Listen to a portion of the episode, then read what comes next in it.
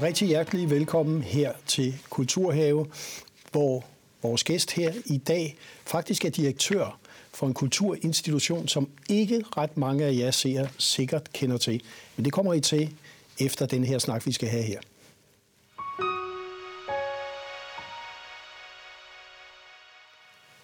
Rigtig hjertelig velkommen til dig, Camilla Mordhorst, direktør for det Danske Kulturinstitut. Tak skal du have.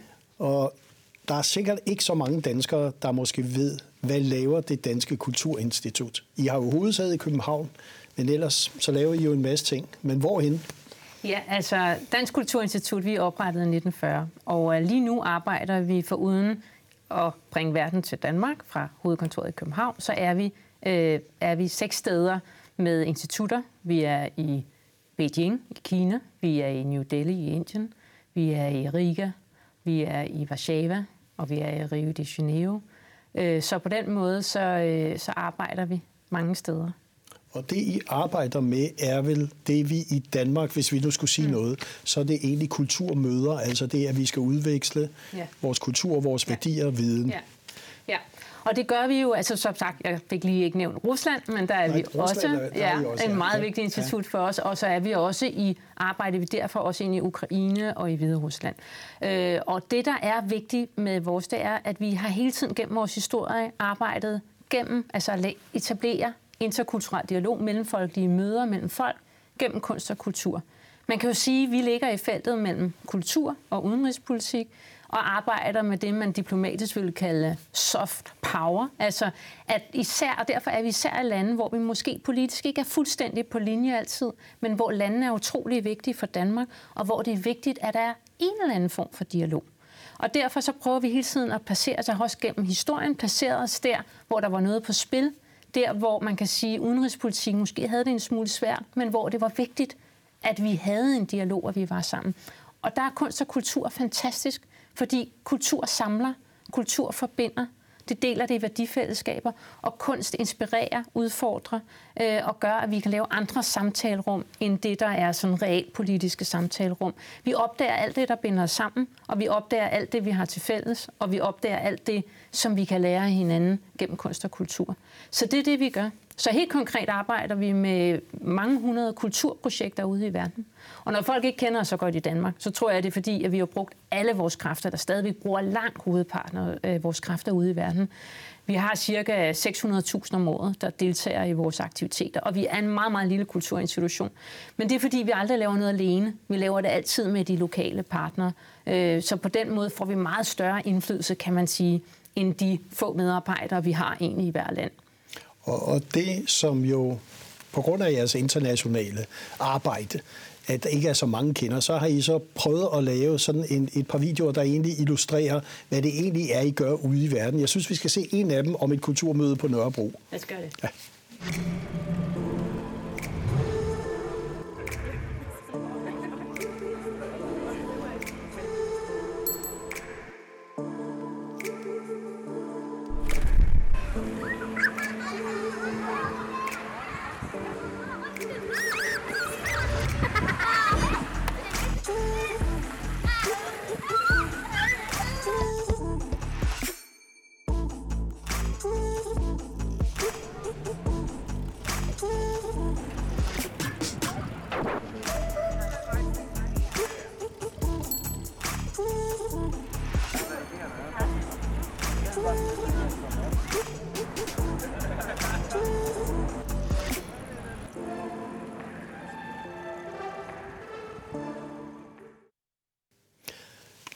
Med at facilitere møder, udvekslinger, forståelsen, bruge kunsten, kulturen, vores værdier, og ligge lidt mellem et udenrigsministerium og så, vi kunne sige, kulturministerium. Øh, hvad giver det både af fordele, men måske også nogle udfordringer? Mm. Altså, vi synes jo, det er en kæmpe fordel, at vi ligger, altså vi egentlig hører under Kulturministeriet, eller, og så arbejder tæt sammen med Udenrigsministeriet, fordi vi kan give det lidt mere farve og kan. Vi er ikke sat i verden for at ligesom, udføre den aktuelle øh, statspolitik. Vi kan tillade simpelthen at koncentrere os om de lidt længere linjer, og så kan vi også nogle gange måske give det lidt mere farve, end en dansk regering vil kunne.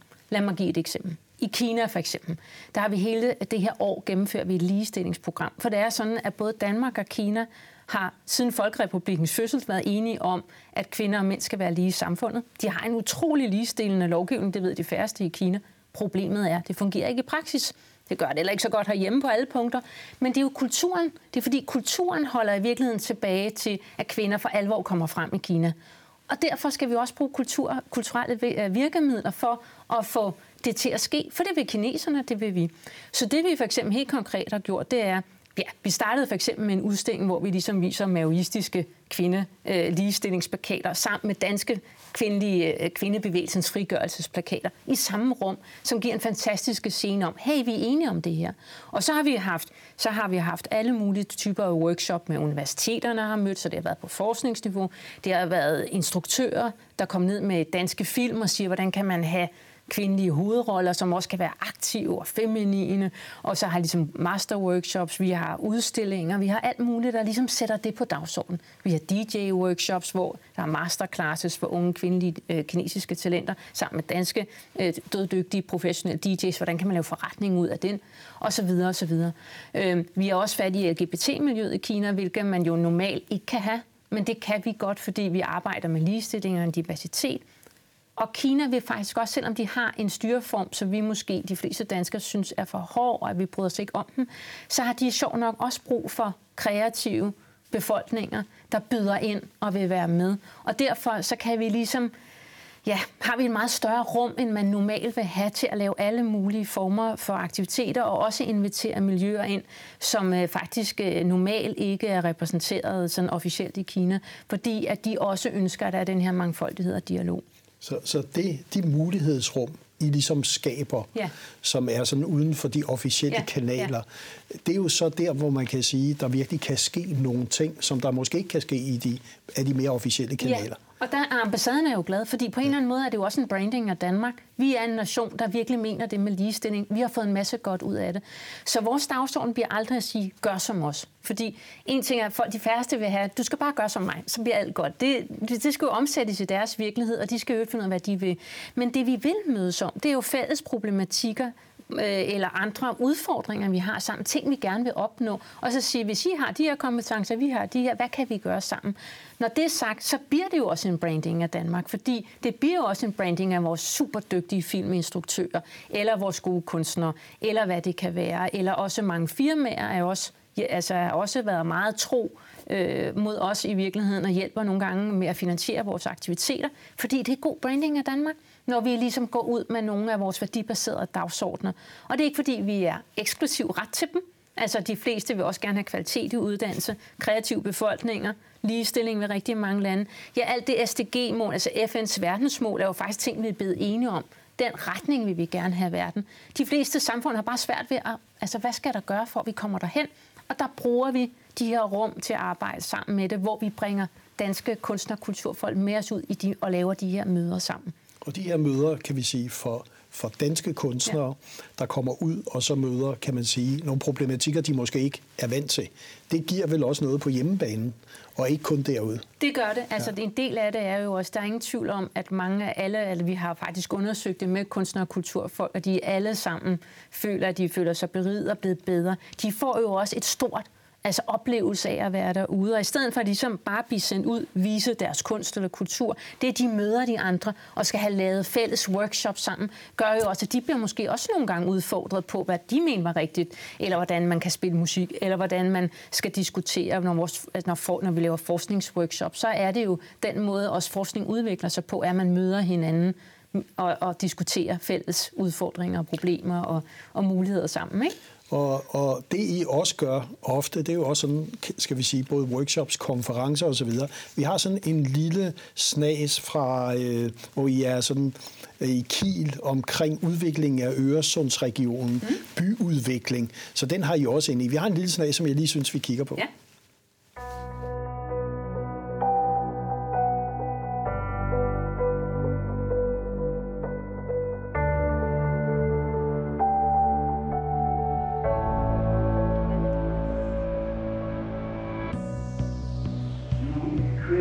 one.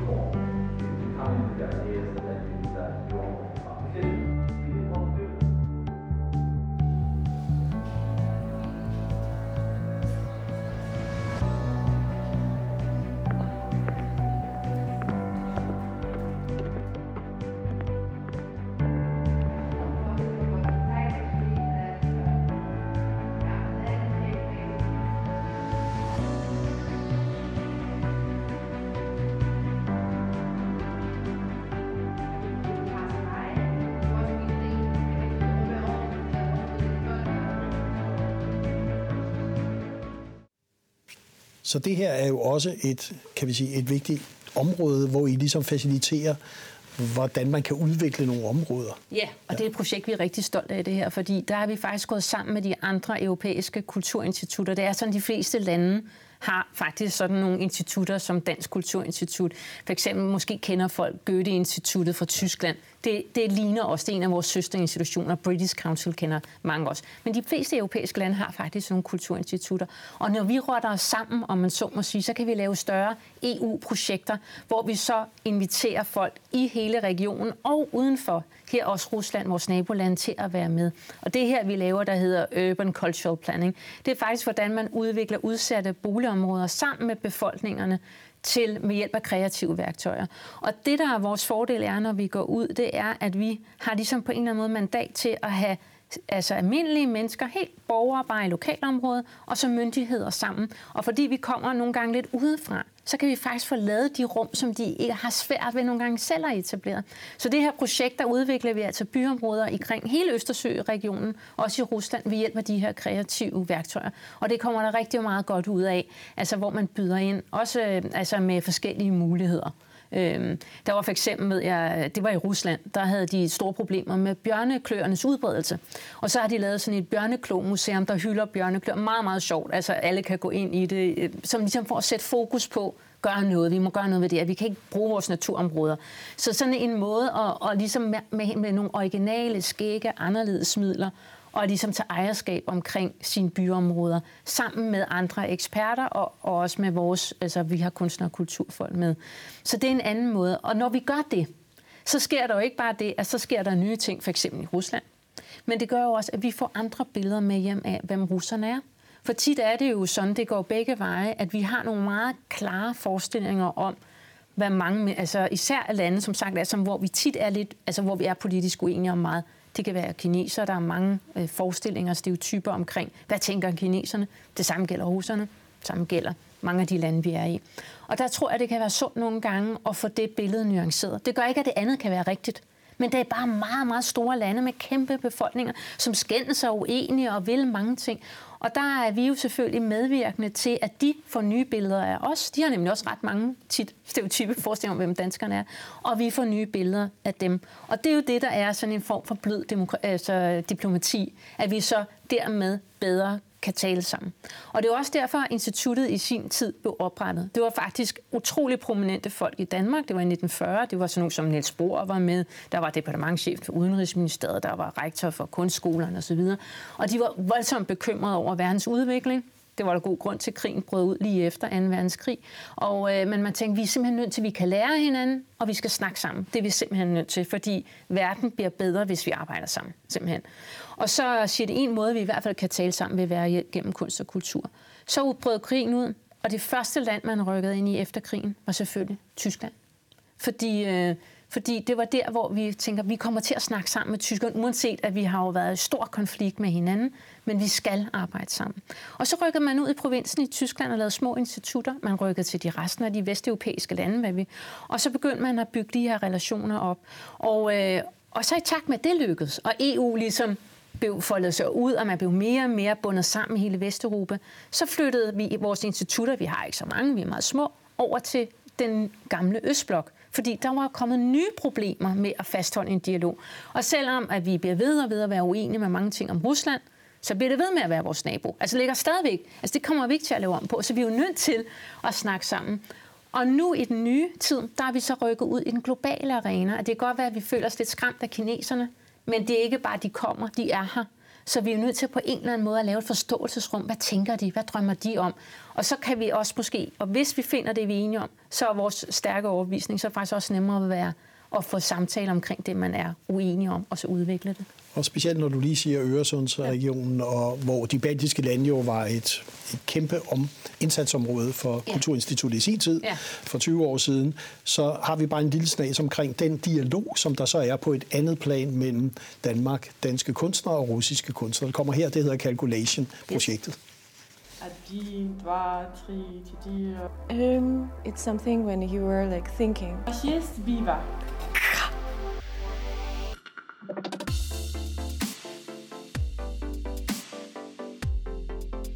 Reason why we met was because I had a residency in St. Petersburg. I don't remember who said hi at first, but we decided to oh. say hi and we start talking. But we talked about this kind of like complexity of being global and local. You know about Russia in the media or you know about Denmark in the media, but you don't really know the people there, you don't know the local communities. It's really about this physical meeting and also to to to practicing art in new in new environments. Det du taler om at bevæge sig derhen, hvor der er brandpunkter osv., kunne du ikke uddybe det? Er det sådan, så man simpelthen bevæger sig hen, hvor der er brug for det, og så efter et stykke tid, så siger man, så har vi løst den opgave, vi skal her. Hvordan fungerer det egentlig? Ja, de facto fungerer det sådan. Altså man kan sige, hvor mange kulturinstitutioner er bundet af deres bygninger, eller er meget stærkt ligesom forandret og har en stor drift i det. Der har vi altid været forpligtet af vores mission om at lave den her mellemfolkelige dialog. Og så har vi simpelthen flyttet, altså så har man gennem tiden flyttet institutterne hen der, hvor der var mest vigtigt.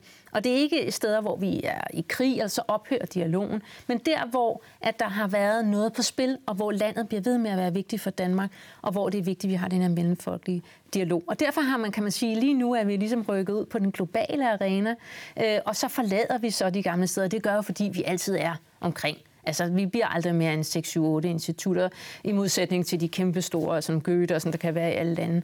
Og det gør jo sådan, at vi har flyttet rundt. Og det gjorde, at man gennem tiden har nedlagt institutter og åbner nye.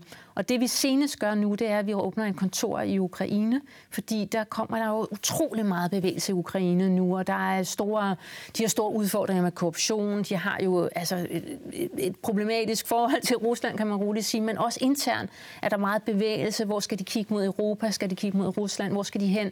Og det, der er vigtigt for os, det er at sige, det er et stort og vigtigt land for os, der ligger der og vipper frem og tilbage. Vi vil meget gerne både Danmark, men hele EU vil faktisk meget gerne have, at der er gode bånd til Ukraine.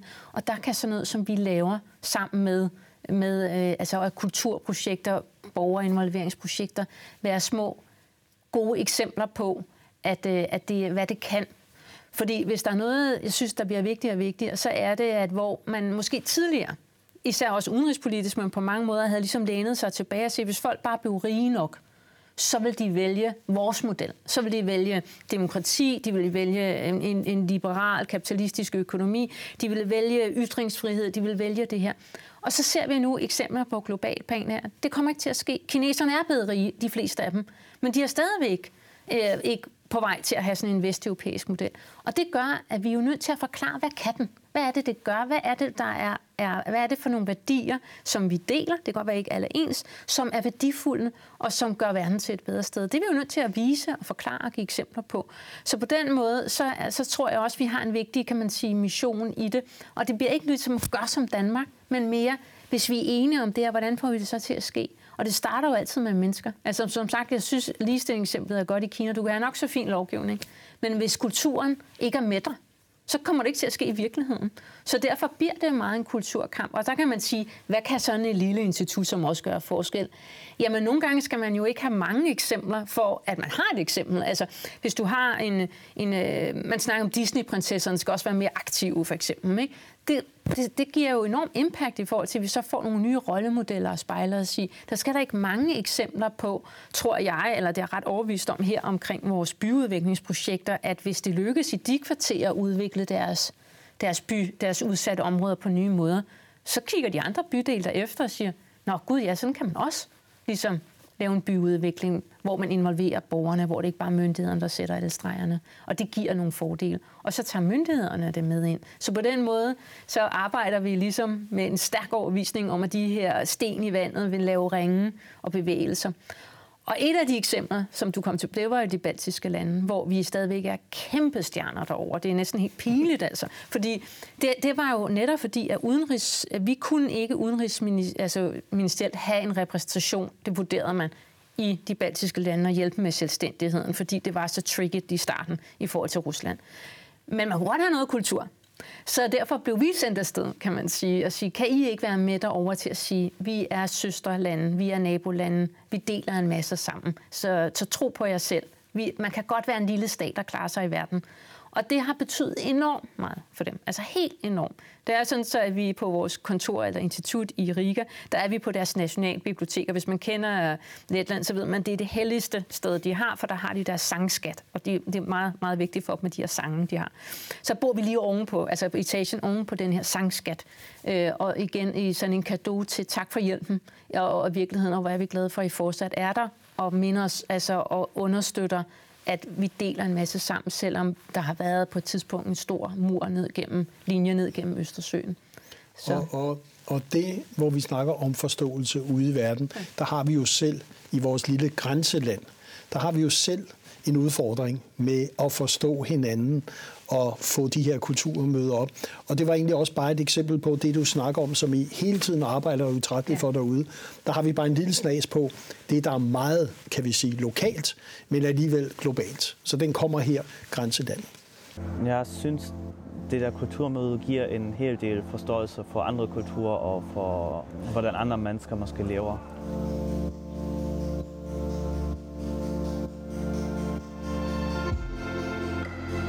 At jeg er opvokset her i den her grænseregion, er opvokset hele tiden med begge kulturer, med begge sprog. Jeg tror ikke, det, at man så kan sige, at man er kun dansk eller kun tysk. Det er en, en blanding mellem to kulturer, men det er sådan også noget helt andet end de to kulturer. I løbet af en skole der kan vi nok også mærke vores egne indre kulturmøder ved, at vi for eksempel, når man taler sammen, eller når man går i byen, så, så kan det godt være, at at man sammen med vennerne, så taler man dansk, men så skifter man pludselig over til tysk, fordi man lige har glemt et ord på dansk. Eller omvendt. Se, kulturmøder, dialogen, forståelsen, refleksionen øh, med kunst og kultur.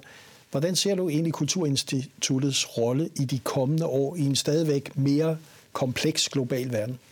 Altså, jeg bilder mig ind, at vi er næsten aldrig været vigtige. Der er en meget urolig verden. Øh, der er mange øh, lande, der ligesom i den her globale tid søger ind af og får nogle meget stærke identitetsfortællinger, der bygger på nogle stereotyper om de andre. Øh, det ser vi jo i lande som jamen, Tyrkiet, USA for den sags skyld også, og andre steder. Og det, jeg tror, samtidig har vi nogle store globale udfordringer, ikke mindst klimaudfordringen, der gør, at vi er simpelthen nødt til at arbejde sammen om det her. Øh, på mange måder også fordi, at det, det er, er ligesom grænseløse problemer.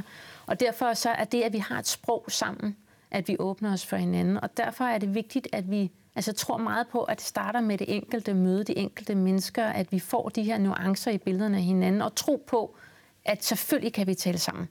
Og det kan godt være, at der er noget, som, som det er svært, at vi er uenige om, men der er masser, vi deler. Øh, og, det, øh, og det giver altså en stor grobund for de her udvekslinger, som har, vi har brug for at komme ud i verden også, tror jeg danskerne, for at blive klogere og have fastholdt vores nysgerrighed, blive dygtigere, fordi der er masser af lærere derude. Men selvfølgelig har vi også noget at byde på.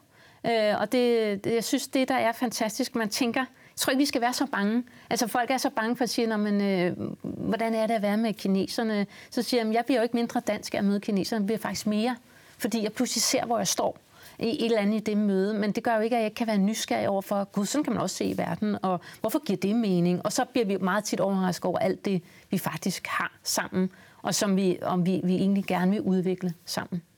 Så det, vi kan sige, det er, det Danske Kulturinstitut gør os klogere, både på os selv og på verden. Og du skal have tusind tak, fordi du kom og forklarede os det. Selv tak.